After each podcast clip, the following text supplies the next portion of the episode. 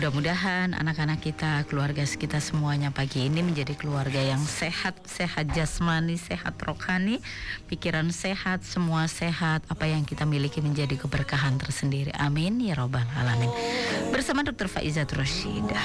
Masih di Fajar Syiar Al Victor. Assalamualaikum Ustazah warahmatullahi wabarakatuh. Apa kabar? Alhamdulillah Mbak khair. Tambah sehat nih sepertinya ya. Ada ada tambah sehat itu ada ya.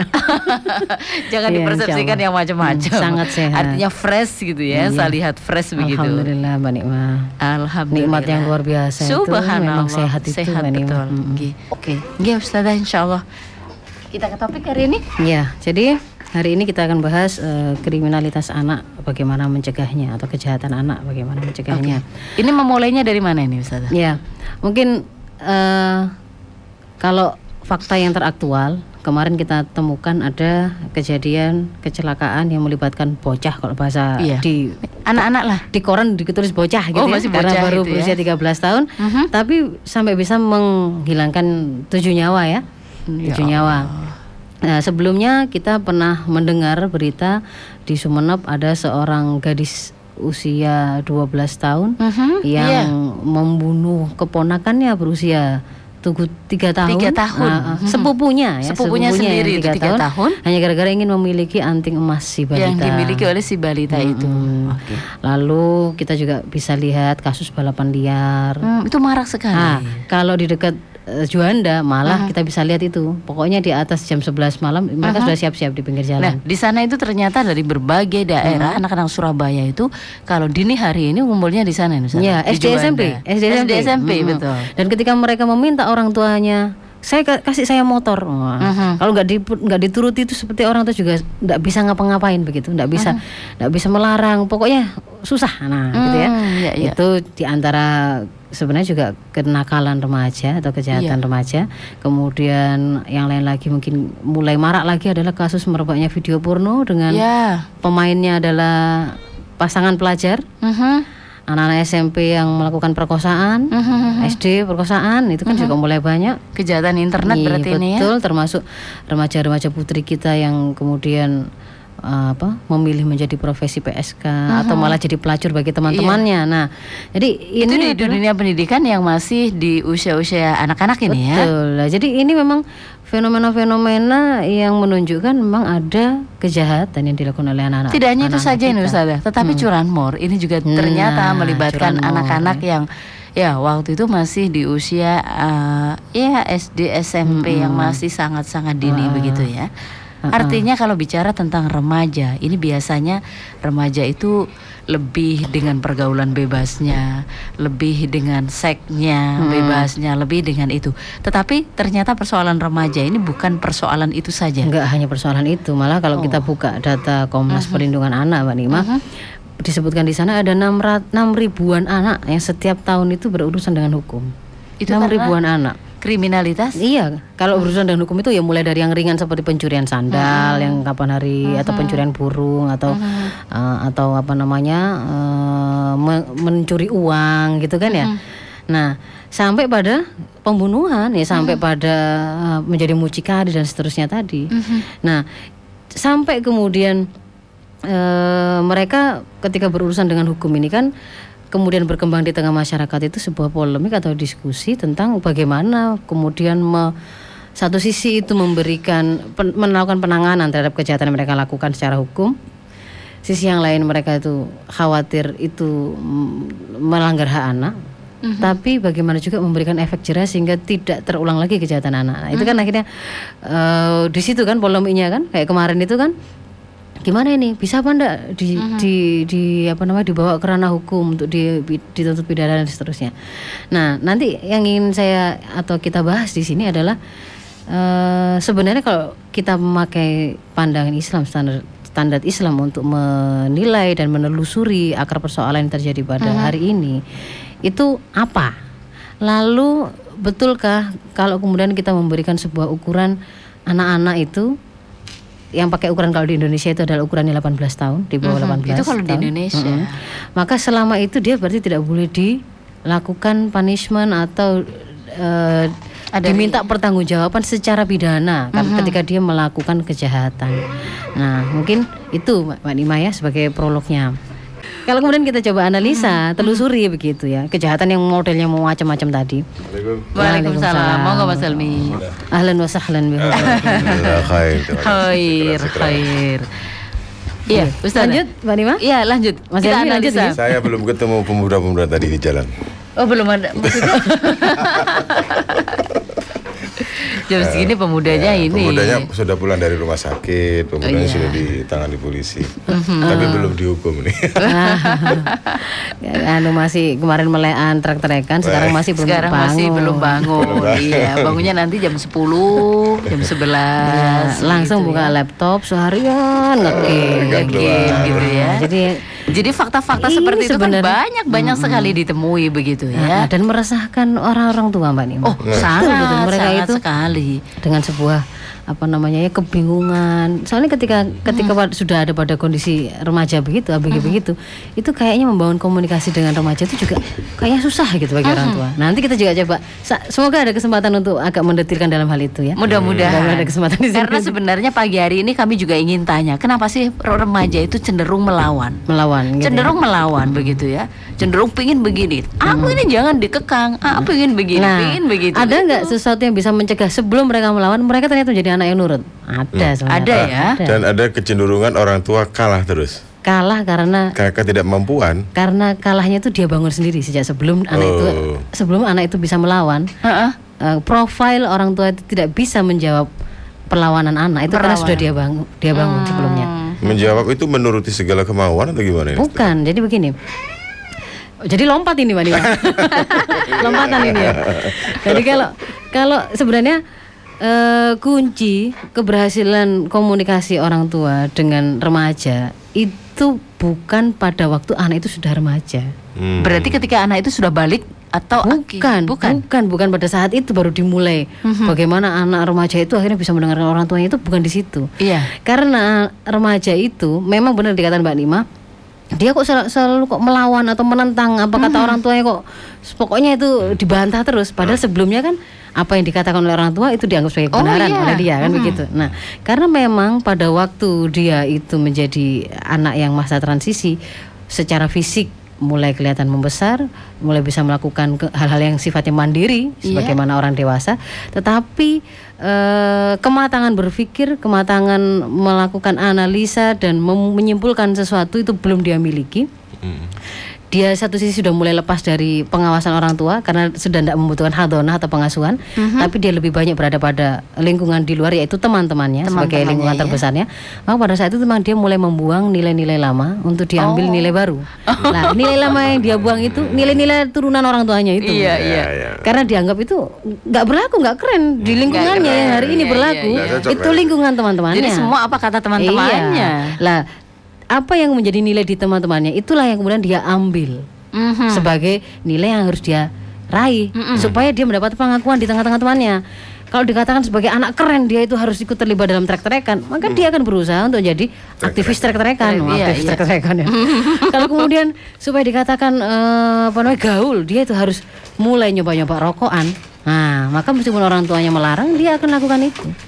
Tadi nilai lama dia buang, nilai baru dia ambil dan nilai baru itu dari teman-temannya. Teman-temannya. Nah, ketika sudah begitu Mbak Nima, ini kan mulai untuk mekitik ya, karena dia Iya. sudah merasa bisa. Oh, pedenya luar biasa nah, gitu. tuh. Ibaratnya kalau mau kasar-kasaran begitu. Kalau kemudian nanti orang tua saya, bapak saya marah, tidak mau nuruti saya, kemudian mudun tangan, nah, misalnya begitu ya. Saya loh fisiknya lebih besar dari dia, misalnya begitu. Gitu ya. Mulai begitu, karena Mulai dia merasa ada ada ada ada penampilan fisik yang berbeda kan. Mm. Nah, sehingga kunci keberhasilan orang tua bicara pada remaja itu bukan pada waktu dia sudah begitu, Aha. tetapi adalah dia bangun sejak anak itu mengenal orang tuanya. Berarti kalau sekarang mau bangun sudah terlambat begitu ya, ya. kalau dibilang ada terlambat ya enggak lah kalau seperti itu. berarti masih ada ruang. kesempatan ya. Oke. Jadi Allah itu kan maha berkehendak untuk membolak-balikkan hati dan merubah pemikiran seseorang. Jadi tetaplah kita harus orang tua itu harus punya sebuah eh, apa namanya harapan terbesar untuk anaknya yang positif. Insya Nah, saya kembali gimana kuncinya? Itu gini. Jadi anak remaja itu akan bisa eh, mendengarkan apa kata orang tuanya satu kalau dia itu memiliki kedekatan dengan orang tuanya. Hmm, Nah kedekatan itu kan terbangunnya sejak awal. sejak awal jadi ini. Memang kedekatan jadi bukan orang tua itu tidak pernah ng- ngajak ngomong sebelumnya itu itu dari TK, SD, SMP nggak pernah nanya masalah sekolah, nggak pernah nanya masalah teman di sekolah tadi terjadi apa. Pada waktu sudah dia itu sudah tidak merasa butuh dengan orang tua, dia lebih senang dengan teman-temannya nggak pernah pulang, pakai nanya-nanya. Oh kemarin-kemarin nggak pernah nanya, gitu kan? Sekarang pakai nanya-nanya ke mana saja. Balik. Kalau belajar belajar kelompok belajar kelompok di mana sama siapa? Oh dulu lo nggak pernah ada pertanyaan masalah sekolah. Jadi anak itu akan melihat memang dia harus ada kedekatan dulu. Yang itu dibangun dari awal. Kemudian yang kedua sampai dengan kedekatan itu sang anak bisa melihat bahwa memang orang tuanya itu mau melarang, mau memerintah, mau menyarankan sesuatu, mau meminta melakukan sesuatu atau meninggalkan sesuatu itu semata-mata demi kebaikan anak. Jadi dia itu melihat itu dari awal, dari dari ketika tumbuh bersama dalam pengasuhan orang tuanya ketika kecil itu dia lihat itu. Ada kalanya dia itu meng- na- sampai nangis-nangis gitu ya minta sesuatu, orang tuanya tidak memberikan. Kenapa? Dia melihat tuh karena kebaikan yang diinginkan. Anak kecil dia tahu kalau orang tua ini tahu persis setiap dia makan permen pasti amandelnya membesar. Mm-mm. Mau kamu nangis nah yang itu kan dia kan lihat tuh nangis oh iya memang pernah saya itu na- nangis sampai gulung-gulung depan orang pun ternyata minta permen nggak dikasih. Iya. Kenapa? Begitu ada kalinya dikasih pelajaran sama orang tuanya ya sudah ma- makan. Tapi nanti kamu kalau amandalmu sakit nggak boleh ada mengeluh nggak boleh ada begitu ya bisa jadi di situ kan dia ambil pelajaran iya ternyata orang tua saya ketika melarang itu bukan karena medit gitu ya. Bukan karena ingin apa nggak seneng sama saya gitu ya nggak boleh permen itu. Itu contoh ringannya. Hmm. sama juga dengan ketika mulai ABG usia masih 12 tahun 13 tahun belum dikasih izin mengendarai mobil. Mhm. bukan karena orang tuanya itu nggak ingin mobilnya tergores. Mhm. semata-mata bukan karena itu karena konsekuensi eh, memberikan izin pada anaknya menaiki kendaraan itu tadi mobil tadi itu besar. Yang itu belum bisa dia pahami. Mungkin kalau pada itu belum ada kejadian anak-anak itu diterangkan kayak gini juga nggak ngerti. Nggak ngerti. begitu ada kejadian yang kemarin nah baru paham. Tapi kalau sang anak tadi dibesarkan itu oleh orang tuanya itu dengan sebuah pengalaman yang meyakinkan dia bahwa orang tuanya itu hanya menginginkan kebaikan maka dia pasti akan itu tadi men- mendengarkan orang tuanya dan mempunyai sebuah apa persepsi memang ada kebaikan yang diinginkan orang tua saya. Kalau hari ini saya belum mengerti mungkin dia akan mencoba meng- mengadu argumentasi tapi bukan melakukan perlawanan yang kemudian tidak. Merenung begitu ya. Iya, begitu. Jadi nggak harus merenung, tapi bisa jadi dia jawab. Tapi ya kan saya itu begini begini mungkin Oh, begitu. iya. Tapi kan tidak tidak dalam konteks merendahkan orang tua atau ngajak musuhan orang tuanya, gitu ya. Beda dengan yang yang wangil-wangil ditandani. Oh iya iya. Ini biasanya karena memang lingkungan sangat-sangat kuat ini pengaruhnya terhadap si anak yang berusia remaja Iya. ini ada. Sudah anak itu dilepaskan ke lingkungan barunya, tapi dia tidak pernah disiapkan di rumahnya. Ibarat eh, gelas itu kalau terisi pase, Mbak Nima ya. Hmm, kalau ngisi, kita ngisinya itu dengan pasir, itu ibarat pribadinya. Kalau kita ngisinya dengan kasih sayang, cinta, perhatian, pendidikan itu memang pase gitu ya. Maka dia itu kan kokoh ngateknya itu. Gelas misalnya gelas aqua atau Iya. gelas eh, Tapi kalau kemudian memang kita isinya itu pakai misalnya kerikil-kerikil besar ya atau batu yang sekali seka- sekali dikasih perhatian jeblok gitu ya. Sekali. Sekali. Itu Jadi masih ada masih ada ruang yang kosong. Ada kosong. ruang ada kosong ruang ya. ruang kosong itu. Jadi dia ketika kemudian eh, sudah sampai pada fase berikutnya dalam kehidupannya dia harus mulai bertanggung jawab atas dirinya. Dia belum memiliki kesiapan gitu kan ya. ya sama seperti kejadian-kejadian kriminalitas anak tadi. Akhirnya dia hanya karena ingin dapat HP kenapa kok dapat HP itu? Loh karena hari ini pegangan HP-nya apa? Itu menunjuk- menunjukkan kelas dia di Kelas teman-temannya dia, misalnya iya, begitu. iya, iya. akhirnya kan ada yang membunuh seseorang. Dulu itu kan ada kisahnya siapa Christian yang juara Olimpiade itu. Itu dibunuh menjadi korban pembunuhan hanya karena apa ternyata kan si pembunuh hanya ingin mendapatkan gadget yang dibawa Oh, persoalannya di situ iya saja. PSK PSK perempuan remaja putri kita misalkan Iya. apa yang jadi mucikarinya ya karena dia ingin, Ingin bisa mendapatkan ha, HP gaya bagus. gaya hidup gaya hidup yang bisa dia beli Artinya memang betul-betul remaja itu butuh sebuah pengakuan begitu ya. Butuh gengsi apa ya? Ya kalau kalau dia itu dibesarkan sudah dari sejak awal itu dengan alur yang pas Mhm. itu ndak akan ndak akan caper di luar gitu sebenarnya. Jadi gini, kalau dia di rumah itu sudah mendapatkan curahan, kasih sayang, perhatian, cinta gitu ya. terus Dia kan sudah menjadi pribadi yang kokoh. Keluar itu ya dia siap membagi cinta itu. Tapi kalau di rumah dia itu memang ndak ndak punya dapat itu, ndak pernah dapat itu. Cari perhatiannya. di Capernya ya di luar. Di luar, Heeh. Nah, caper yang paling mudah itu Teman. adalah dengan melakukan kejahatan. Kalau nyari perhatian dengan berprestasi itu susah, gitu kan. Tapi kalau nyari Dengan perhatian dengan cara mudah. melakukan kejahatan itu mudah. Paling mudah. Kan ada pepatah kencingi air zam-zam pasti terkenal kan. Aha. Gitu kan. kan paling mudah kan dia melakukan hal yang pokoknya norak, yang Mhm. orang nggak biasa itu akan dapat perhatian. Ya, kalau begitu arahnya ke kriminalitas ini dan memang sangat marak seperti itu. Ini Iya. memang bahwa kehidupan remaja di sekitar kita ini memang sudah hedonis, materialis, Ah, sudah sangat-sangat seperti itu. Itu yang diburu sepertinya begitu, Mm-mm. Ustaz. Nah berarti itu kan Mbak Nima sudah mulai menganalisa itu bahwa akar masalahnya ini bukan semata-mata ada eh, orang tua yang belum melaksanakan tanggung jawabnya ya. Kesalahan orang tua Ah, tidak ah. 100%. Ada kan ya. Tadi kan sudah saya tunjukkan bahwa memang ada karena remaja itu kan nggak moro-moro gede tadi usia remaja, tapi dia sudah sejak awal dan dia pasti pernah mengalami sebuah fase kehidupan di mana mayoritas hidupnya itu sebenarnya dia habiskan di rumah bersama orang tuanya. Kalau begitu saya tidak membela remaja sebenarnya, tetapi ternyata remaja atau anak ini tidak salah dengan sendirinya loh, Ustaz. Nah, ah. jadi ada porsi keluarga, ada porsi orang tua ya. Betul. Kemudian di situ ada porsi masyarakat. Ada porsi masyarakat. Kenapa saya bilang ada porsi masyarakat? Kalau kita lihat eh, maraknya kos-kosan apa namanya? Kos-kosan yang kemudian jadi tempat mesum. Mhm. Itu kan karena ketika kemudian masyarakat itu hanya lihat ah yang penting saya dapat duit, gitu ya. Yang, yang penting Itu saya yang dapat banyak di mana itu Mas Elmi ya? Tanya saya. saya Ini pelecehan atau bagaimana ya? Udah, oh, saya juga cari kok. Soalnya dapat informasi sering dapat informasi untuk dijadikan bahan. Kapan hari ada di masuk di salah satu televisi lokal, Mhm. ya itu langsung digerebek gitu, kos-kosan ya. Jadi laporan laporan masyarakat. Masyarakat berperan ini ya. Iya. Kalau masyarakatnya sendiri itu sudah acuh tak acuh. Pokoknya dapat uang, Ah, ah, dapat, dapat uang untung. kan, mau keluar masuknya siapa di situ? Berarti eh, dia kan sudah mulai individualis, kan begitu egois. Padahal masyarakat itu punya sebuah kewajiban melakukan kontrol sosial. Nah, yang lain lagi adalah eh, lingkungan besar tempat anak ini hidup. Itu sebenarnya sekolah besar dia yaitu apa? Penerapan sistem oleh negara. Kalau anak itu memang diiming-imingi tiap hari di TV itu program-program kalau sinetronnya itu juga mengajari anak-anak itu meskipun sekolah tapi yang dibahas itu pacaran yang dibahas itu bawaan mobilnya apa gitu kan ya? Eh, yang sifatnya hedonis saja begitu ya maka ya dia diajari seolah diajari dengan cara yang berbeda kan begitu kan ya satu sisi sistem pendidikan di sekolah mungkin hari ini banyak yang sekedar transfer knowledge tapi tidak transfer kepribadian. Nah, itu dia. kan begitu kan ya?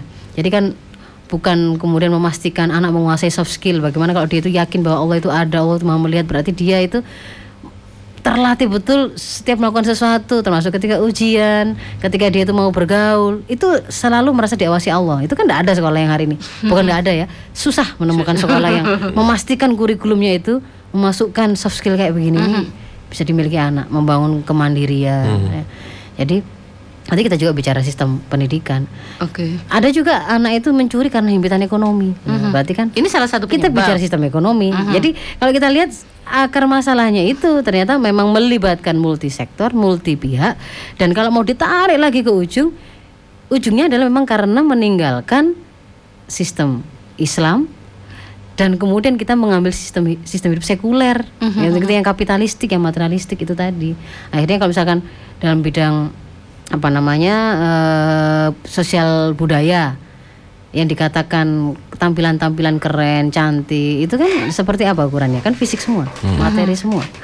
Orang dinilai juga kehormatannya dari situ. Kalau rambutnya lurus ya berarti mulia, kalau krewel itu kurang mulia gitu. Dan seterusnya ya ibaratnya begitu. Jadi eh, Nah, di sini kita bisa lihat ada porsi yang harus diemban oleh orang tua, ada porsi yang diemban oleh masyarakat, ada porsi yang diemban oleh negara. Iya. Nah, Kalau toh fatah-fatahnya sudah dipaparkan seperti itu ya. Eh, kemudian sekarang oke lah kita kembali kepada solusi. Solusinya seperti apa dari persoalan ini? nih? yang pertama berarti kan kita ambil porsi yang pertama dulu yang meletakkan dasar atau fondasi pendidikan anak, berarti di rumah ya, di orang tua. Yang sering kita lupa para orang tua itu adalah ketika kita itu apa dungo atau berdoa ingin diberikan anak soleh itu itu seolah-olah anak soleh itu adalah kalau itu doa untuk anak kita ketika dia itu usianya masih balita Masih kecil-kecil masih gitu? TK masih masih di TPA itu tunggunya itu begitu anak soleh ya. begitu kemudian anak itu sudah mulai SMP mau ke SMA SMA ke kuliah itu harapannya sudah berbeda Contohnya seperti apa? Nah, harapannya berbedanya apa? Lebih mengarah kepada semoga anakku nanti masuk ke sekolah favorit. Oh iya. Mau dia sama sekolah favoritnya itu tadi itu nilainya mau dengan curang atau tidak curang, mau dengan beli kursi atau tidak, Aha. dia tidak peduli. Meskipun dia juga tahu bahwa pada usia yang seharusnya 10 tahun anak itu sudah sudah beres sholat lima waktunya, dia tidak pernah hitung itu. Mhm. Padahal kalau orang tua itu sebenarnya menginginkan anak yang soleh, maka mestinya harapan ini tadi itu terus dia pelihara sampai anak itu menyelesaikan tugasnya sebagai anak kan begitu kan ya sampai, sampai meninggal berarti kan dan itu ada eh, ukuran-ukuran yang berbeda pada setiap fase kehidupan mereka. Nah kalau anak anak soleh yang kurota ayun menyenangkan mata hati kalau masih bayi asal bisa senyum sehat maamnya maamnya bagus sudah menyenangkan. Kurota Ayun itu. Kurota ayun sudah. Tapi kalau kemudian eh, sudah mulai umur umurnya 10 nggak ngerti sholat ngegame tok. Iya. Masuk tetap kurota ayun. Berarti kan ada yang kurang. Hmm. Orang tua ini sering berdoa Robbi habli minas solihin, Ah, tetapi ketika sholat orang tua jarang ngontrol. Nah, jadi kan kemudian harusnya kan step by step step per- pendidikannya itu. Tadi harus diketahui orang tua dengan memastikan bahwa kalau setiap stepnya itu memang benar sudah dia sempurnakan maka anak tetap akan jadi soleh sekalipun dia sudah tua sekalipun sampai dia meninggal gitu kan ya. Misalkan kalau Imam Ali kan mengatakan uh, anak itu pembagian pem- prinsip pendidikannya itu kan tiga. Kalau pakai Imam Ali kan per tujuh tahun. Tujuh tahun pertama perlakukan anak seperti eh, raja karena pada usia itu adalah anak-anak yang memang membutuhkan proses pengasuhan dan pelayanan. Kalau tidak dilayani memang dia nggak akan hidup anak balita dan seterusnya itu. 7 tahun ke 14 tahun itu perlakukan anak seperti tawanan. Kenapa? Karena pada masa itu itu adalah masa kesiapan membangun membangun kesiapan mengemban taklif atau beban hukum. Hmm. Di situ masa untuk membangun kedisiplinan. Di situ juga kita temukan ada perintah untuk mengajarkan sholat ketika 7 tahun, 10 tahun harus mulai benar sholatnya kalau tidak bahkan boleh dijatuhkan hukuman. Kemudian eh, banyak sekali di situ kan hal-hal yang lain. Yang itu intinya memang mem- membutuhkan anak itu memang agak agak di kayak kayaknya memang seperti tawanan Strength, dalam strength. ah, strength gitu ya. Strengthnya itu tidak harus keras atau kasar, tetapi terasa sekali kalau di situlah masa membangun kedisiplinan. Jadi ketegasan orang tua itu terasa. Kemudian yang ketiga, kalau itu sudah dilewati, yang ketiga perlakukan anak ketika dalam pendidikan itu seperti wazir. Wazir ini kan seperti teman dekat, seperti pembantu. Jadi anak kalau usia 15 ke atas itu sudah bisa sebenarnya orang tua, misalkan yang bapaknya itu mulai mengajak anaknya bicara, "Nak, kamu harus ngerti setiap bulan ini bapak ini harus membayar listrik ini sekian, air ini, ini tanggungan tanggung jawab yang harus dilakukan oleh bapak yang butuh mulai butuh kamu bantu misalkan nganter ibumu ke mana, ke, min- ke sini, ke situ. Itu sudah bisa. Usia 15 tahun. Nggak usah nunggu setelah 18 tahun seperti ukuran hari ini. Hari ini kan anak-anak dikatakan kalau masih 18 tahun masih anak-anak. Karena asumsinya begitu, maka anak-anak SMA pun itu masih merasa ini masa anak-anak gitu kan ya. Seneng-seneng, gak eru urusan orang tuanya. Nah, Jadi kalau, akhirnya jadi kalau tadi berore, uh, uh, kepada doa orang tua ini ada ada uh, pergeseran orientasi dari doa orang tua itu sendiri ya. jadi ada kontradiksi dengan doanya. Doanya itu Kontradiksi, minta, ya. ah, Doanya doanya minta anak soleh, soleh. tapi beliaunya para orang tua ini tidak kemudian mempersiapkan anaknya untuk jadi anak Menjadi anak soleh. soleh. Itu satu sisi. Seringkali seperti Ah, ah. itu. Sisi yang lain, ketika anak sudah mulai beranjak ke arah remaja dan dewasa, kadang-kadang doa anak soleh itu sudah mulai diganti memang Nah, Mbak. orientasinya iya, beda memang juga. diganti. Iya, Yang iya, mulanya iya, itu anak soleh. orientasinya tadi Iya, Abi diganti. bilang tadi. Heeh. Jadi mulainya itu memang ingin anak soleh, tapi kemudian ketika sudah mulai SMA, inginnya anaknya itu Benar-benar bisa jurusannya ini Masuk Anu, ini, masuk gitu ini ya. kalau fakultas kalau nanti kuliah eh, jurusannya ini fakultasnya ini nanti lulusnya lulusnya dengan angka sekian nanti kerjanya di sini itu justru jadi jadi nilai utama harapan orang tua sekalipun dia tahu anaknya loh pacaran sampai gak karu-karuan dibiarkan Terus kemudian orang tua sering mengajari langsung kepada anak-anak juga ya, mengajari yang secara tidak langsung, tetapi anak ini tahu betul Heeh. ketika anak diajarin yang tidak jujur. Heeh. Oh kamu nanti pasti lolos karena Lah, di sana sudah ya, disiapkan. karena sudah sudah saya beli itu Oh jokinya iya sudah dibeli. Ya, jokinya tentu saja lah. gitu ya. Lagi pula itu tidak sama sekali tidak membangun itu kan kekuatan banyak anak. sekali dan anak-anak itu paham. Oh aku pasti lolos. gitu ya. Iya, tapi dia sebenarnya sangat lemah. Gitu ya. Sangat lemah. Kenapa? Karena dia tidak pernah diberikan sebuah kesempatan untuk tumbuh, membangun kemampuan dan kapasitas dirinya. Mhm. Sama seperti ini, Mbak Niwa. Kalau yang sering dijadikan pelajaran itu adalah kepompong sebelum akhirnya ular ulat, Ulat. itu berubah jadi kupu. Mhm. Nah, setelah dari kepompong itu kan ketika pecah sedikit, itu kan akan keluar kupu yang eh, apa namanya masih sayapnya masih kayak masih layu gitu ya, Mhm, masih lemah ya. masih lemah. Kalau kemudian kok kayaknya berat membuka kepompongnya, kalau kemudian kita bantu dibantu oleh manusia misalnya disuwekno gitu ya kepompongnya biar dia keluar, maka dia ketika dia itu keluar dia tidak siap terbang. Oh. Kenapa? Karena proses untuk membuat apa tubuhnya sayapnya itu tumbuh menjadi akhirnya semakin lebar semakin lebar itu adalah ketika dia itu me- harus merasakan membuka kepompongnya dan berjuang keluar dari Oh. orang itu. Artinya ada perjuangan Ah, untuk betul. mempersiapkan dirinya. Makanya kalau anak- terbang bebas. Ah, ah, anak disiapkan terus segala sesuatunya dipenuhi terus ya. Mhm. Sebenarnya orang tua bukan sedang me- menguatkan anak. Melemahkan, Melemahkan anak. melemahkan justru sebenarnya. melemahkan si anak. Iya begitu. Itu harus disadari. sayang. Harus disadari. Saya nggak harus begitu maknanya. Itu, itu Dan ya. itu memang lagi luar biasa maraknya ya Mas Helmi ya. Ya. Sangat-sangat luar Iya. biasa. Orang tua kayaknya juga mau instan. Ya, ya.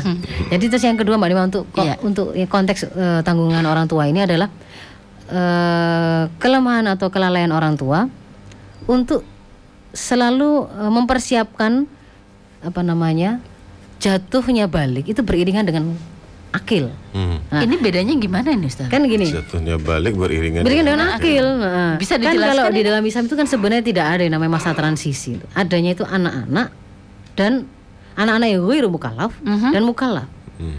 Kalau ghairu mukallaf dia belum diberlakukan hukum atas dia. Mau dia melakukan kejahatan apa pun itu pasti kesalahan orang-orang dewasa di sekitarnya. Mhm. Itu.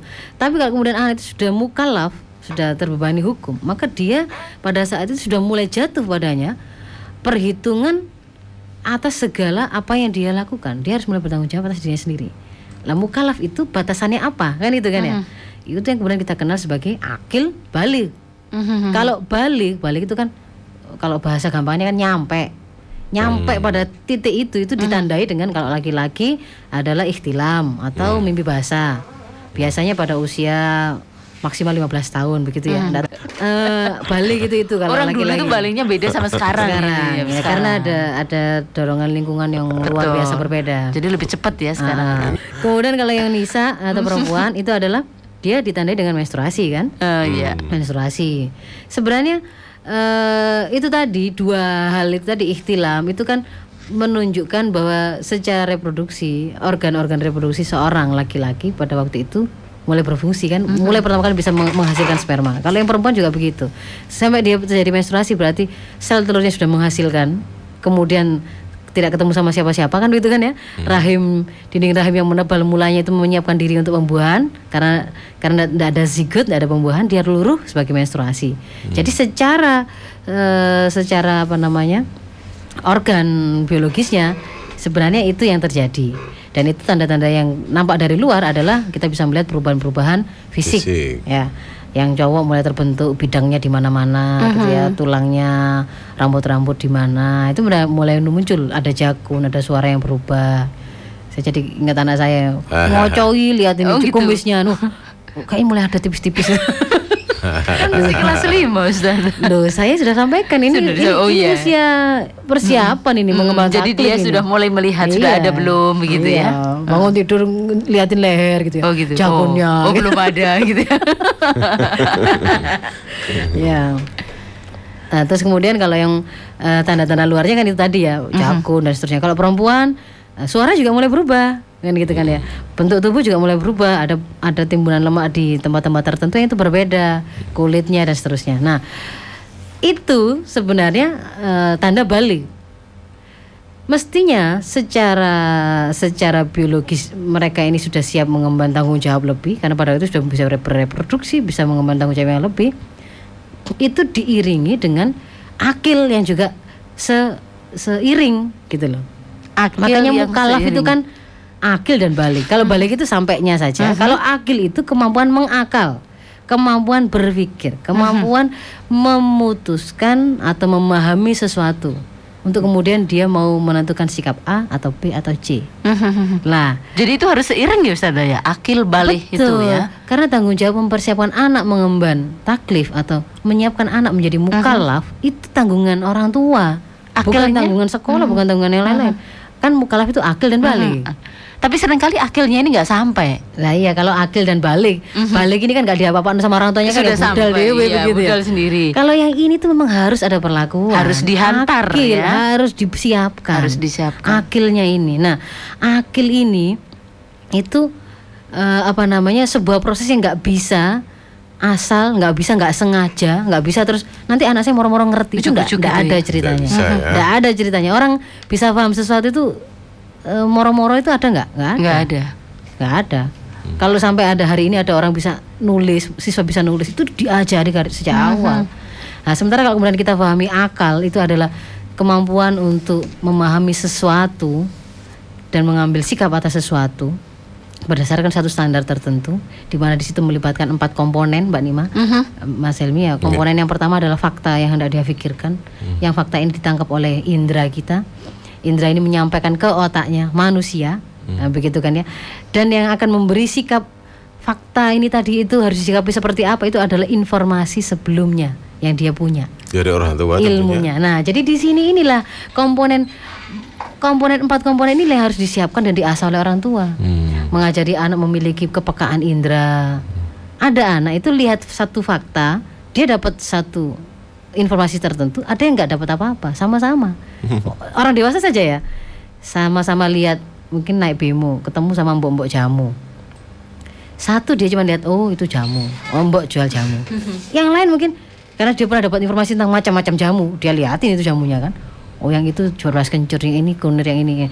Yang lain lagi yang udah mendapatkan informasi lebih banyak lagi. Kok mbok jamu mak sudah tua seperti ini malam-malam kok masih jualan ini ke mana ya anaknya laki-laki atau Selalu berkembang pemikirannya. atau ya. suami suaminya atau mungkin walinya. Kenapa? Karena pada pada Islam itu tidak ada perempuan yang tidak terjamin sebenarnya. Ini kan dia punya pemahaman lebih kan. Jadi semakin tinggi informasi atau ilmu yang dimiliki oleh seseorang, maka dia bisa menyikapi dengan lebih kompleks. Itu kan persiapan yang harus diberikan oleh orang tua. Hmm. Jadi informasi, informasi-informasi awal tentang nak kamu itu seorang muslim, kewajiban muslim harus terikat pada aturan dari penciptamu dalam hal ini ini ini. Kalau bergaul itu begini caranya. Kalau sholat itu begini caranya, kalau wudhu itu begini. Kan begitu kan? Kalau narkoba itu begini, jangan atau bagaimana. Jadi informasi itu awal sampai anak itu siap. Ketika mukallaf saya memang harus mempertanggungjawabkan apa yang saya lakukan, apa yang saya katakan, apa yang saya pilih oleh diri saya sendiri, tidak bisa lagi nyalakan orang tua. Itu dia sudah siap. Oke, Gitu. Ustazah ini sudah ada proses yang sedemikian dari Iya. awal. Kalau tuh saat ini kebetulan eh, dulur-dulur El Victor ini punya katakanlah di lingkungannya ada seperti itu atau bahkan yang mudah-mudahan tidak bagian dari keluarganya sendiri yang seperti itu ada sebuah kriminalitas yang terjadi pada anak-anak.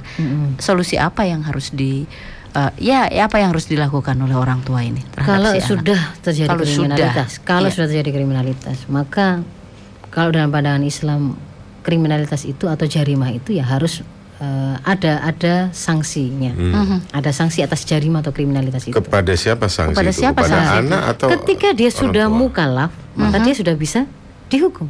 Ketika sudah Mukalaf, mukalaf, jadi iya. tidak harus nunggu usia 18 enggak, tahun. Enggak, itu justru sesuatu yang malah membuat sesat dan orang tua terlena untuk tidak menyiapkan anak siap mengemban taklif pada saat mukallaf. 18 tahun itu ya sudah ketuaan Mbak Nima.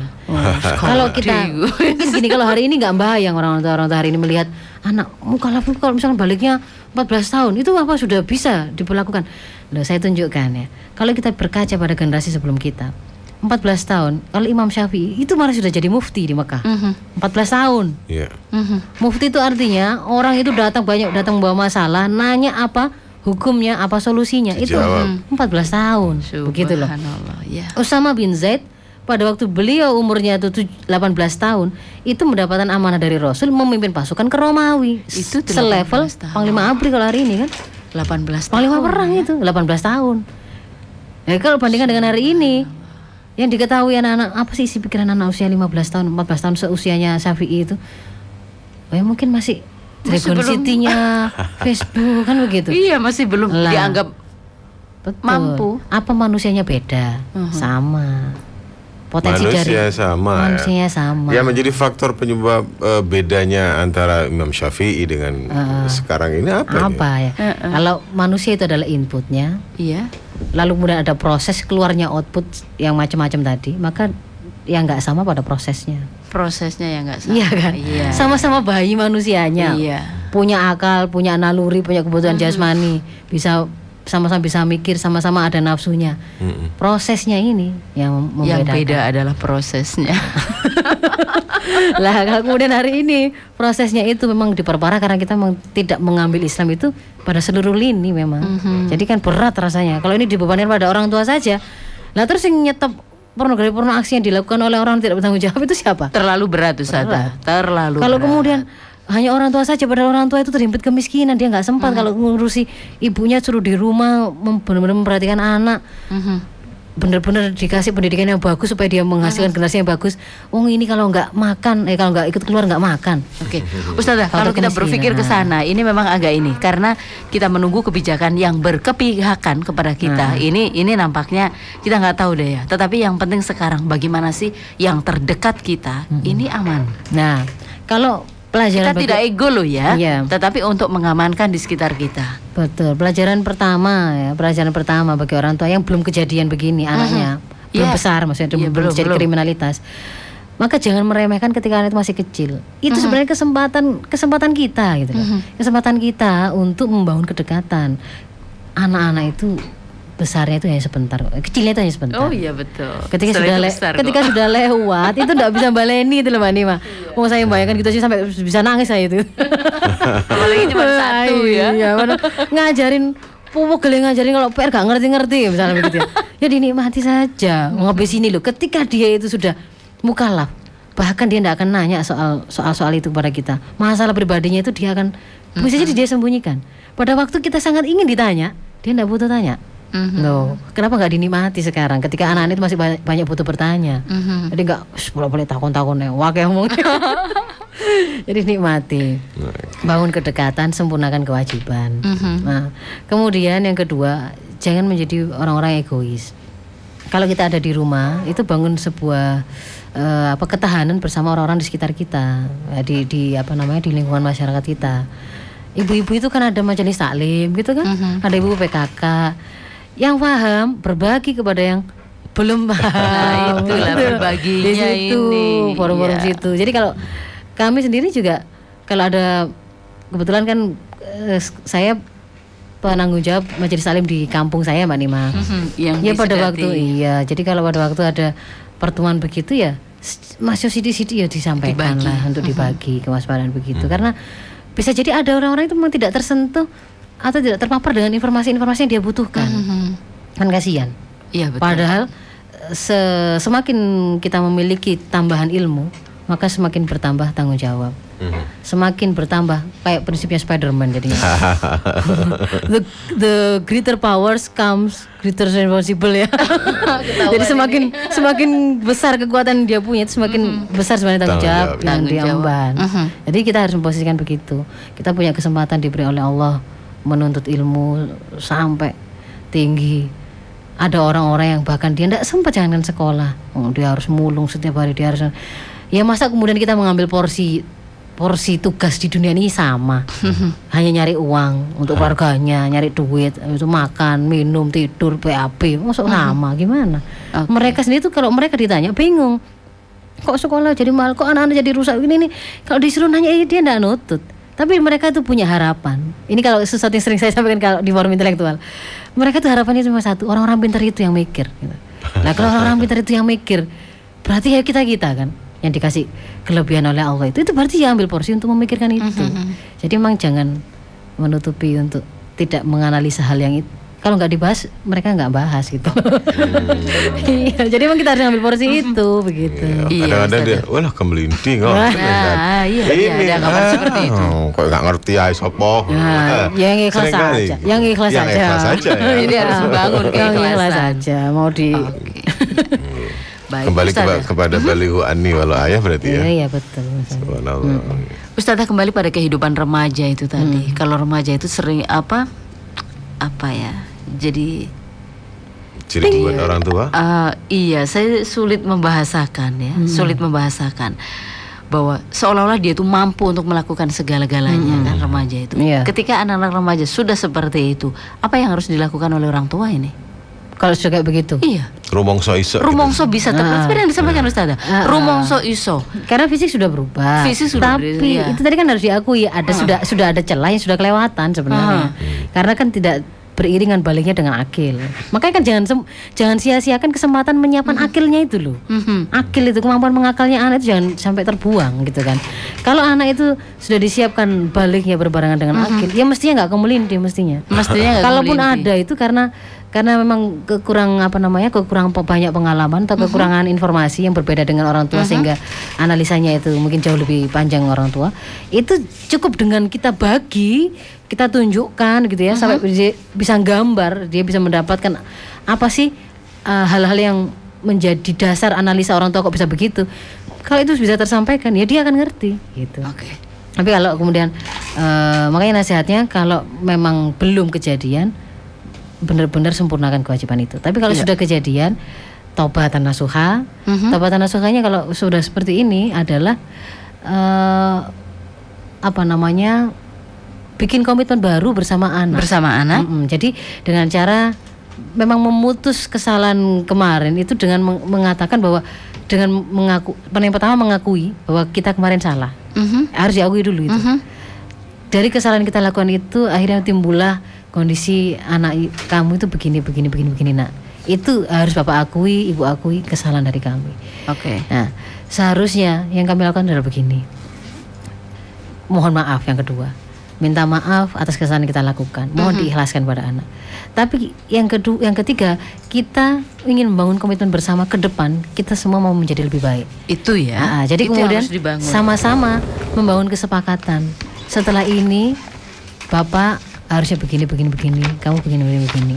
Kita saling mengingatkan, kita saling begitu. Mhm. Kalau nggak di aku yang dulu pokok moro, saya mulai saat ini berubah, tapi anak nggak ngerti bahwa kenapa orang tuanya berubah, nggak bisa, susah. Artinya semua harus dikomunikasikan, Iya, dikomunikasikan. komitmen harus dibangun. Iya, dibangun Tidak bersama. boleh kemudian orang tua membangun komitmen Sendiri sendirian. nggak, nggak ngerti anak nanti. Nggak ngerti ya. Ah, ah, harus dikomunikasikan. Betul. Orang tua yang tidak sabar seperti itu harus sabar untuk membangun ah. komunikasi itu ya. Dan disiapkan eh, dan apa orang tua juga harus bersiap seandainya satu saat itu dia melakukan kesalahan lalu dikoreksi anak, maka ya dia harus dengan legowo menerima koreksi dari anak.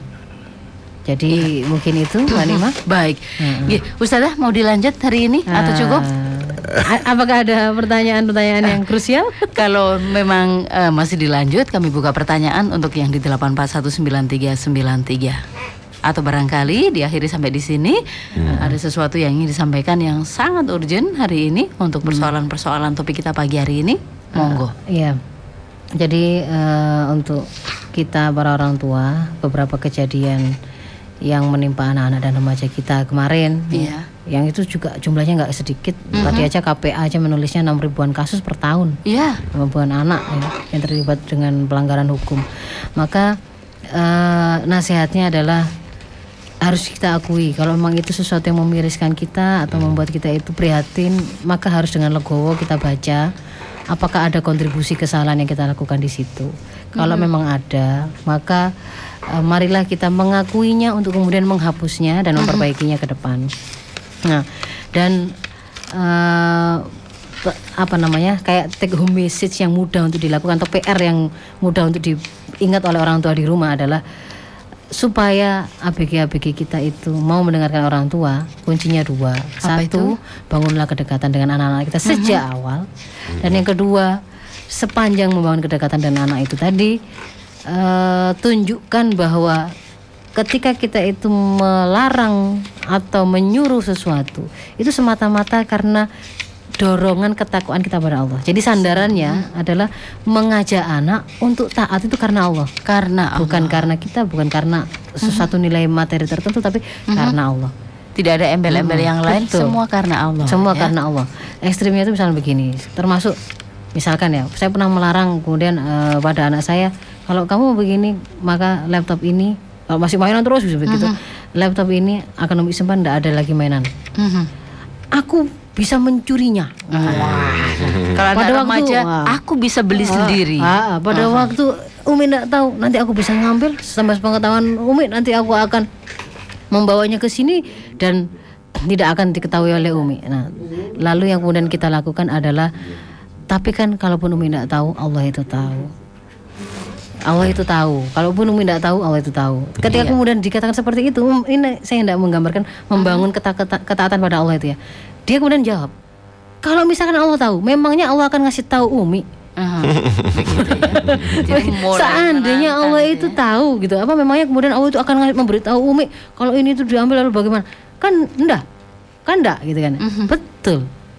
Tetapi ketika kemudian Umi menyerahkan pe- apa namanya pengawasan itu kepada Allah, Allah itu memiliki kemampuan dan kekuatan apa pun yang Dia mau. Seandainya, seandainya kamu sudah mengambil laptop, tanpa sepengetahuan Umi, mau ngegame, lalu Allah menghendaki tanganmu dibikin tidak bisa memainkannya, bisa apa enggak? Mhm. Jadi ketakutan itu pada Allah, bukan pada Iya. Umi. Dibangun ketakutan kepada Betul, Allah. ketakwaan itu pada Allah. Kalau kalau Umi saja Umi bahkan mengiringi kamu tidur ketika tertidur itu di luar jangkauan Umi. Mhm. Jaganya kan. Jadi itu Allah yang makanya itu dititipkan kepada Allah, Allah yang menjaga nak. Nah, oke. Begitu Ya Allah. ya. Iya, Ya, jadi Ustazah. harus sandarannya kepada Allah begitu ya Mbak Nima. Itu yang kita perkuat, ya. Betul. Insya Allah kalau sudah begitu nanti kita kan kan apa namanya mau melepaskan anak itu kan ya lebih enak ya, lebih tenang ya. Jadi kita mendidik bersama Allah. Iya, karena kita mendidik anak bersama Allah. Menjadi topik sendiri hari ini. Mendidik anak dengan bersama Allah. Insya Allah itu saya mohon maaf sekali kalau harus mengakhiri lebih cepat. Eh, akhirul kalam istilah satu mustaqim. Assalamualaikum warahmatullahi wabarakatuh. Waalaikumsalam warahmatullahi wabarakatuh. Pagi hari ini kembali pencerahan kita dapatkan bersama Ustazah Dr. Faizatul Rashidah. Ya. Beliau Beliau harus eh, berbagi. berbagi, Nah, berbagi waktu gitu ya. Eh, karena nanti tidak sampai pada jam 8 dan alhamdulillah banyak ilmu yang kita dapatkan untuk Betul. kesempatan pagi hari ini terutama bagi Anda semua telur Victor yang saat ini bisa jadi punya persoalan tentang anak-anak Anda yang mungkin dikategorikan anak nakal, anak eh, kriminal atau anak yang sudah kebacut gitu ya. Melakukan hal-hal yang eh, di luar eh, norma-norma, aturan dan etika dan sebagainya. Mudah-mudahan Atau bermanfaat. iya mudah-mudahan kalau tahu itu bukan anak-anak kita tapi itu adalah anak-anak dari lingkungan kita. Kita diuji di sini kepedulian kita terhadap putra-putri kita yang bermasalah meskipun itu bukan anak kita sendiri tetapi itu adalah bagian dari lingkungan Iya, kita. Nggih, Salam. terima kasih jazakillah Ustazah dan ya dulur El Victor itu tadi mudah-mudahan semuanya kesadaran muncul untuk membangun kesadaran anak-anak dan orang tua untuk kita semuanya. Kami harus pamit undur untuk pagi hari ini Mas Elmi. Mohon Terima- maaf. Ya, terima kasih kebersamaan Anda. Saya Nikma Aziz. Saya Almian Sorry undur diri. Billahi taufiq wal hidayah. Assalamualaikum Assalamualaikum warahmatullahi warahmatullahi wabarakatuh. wabarakatuh.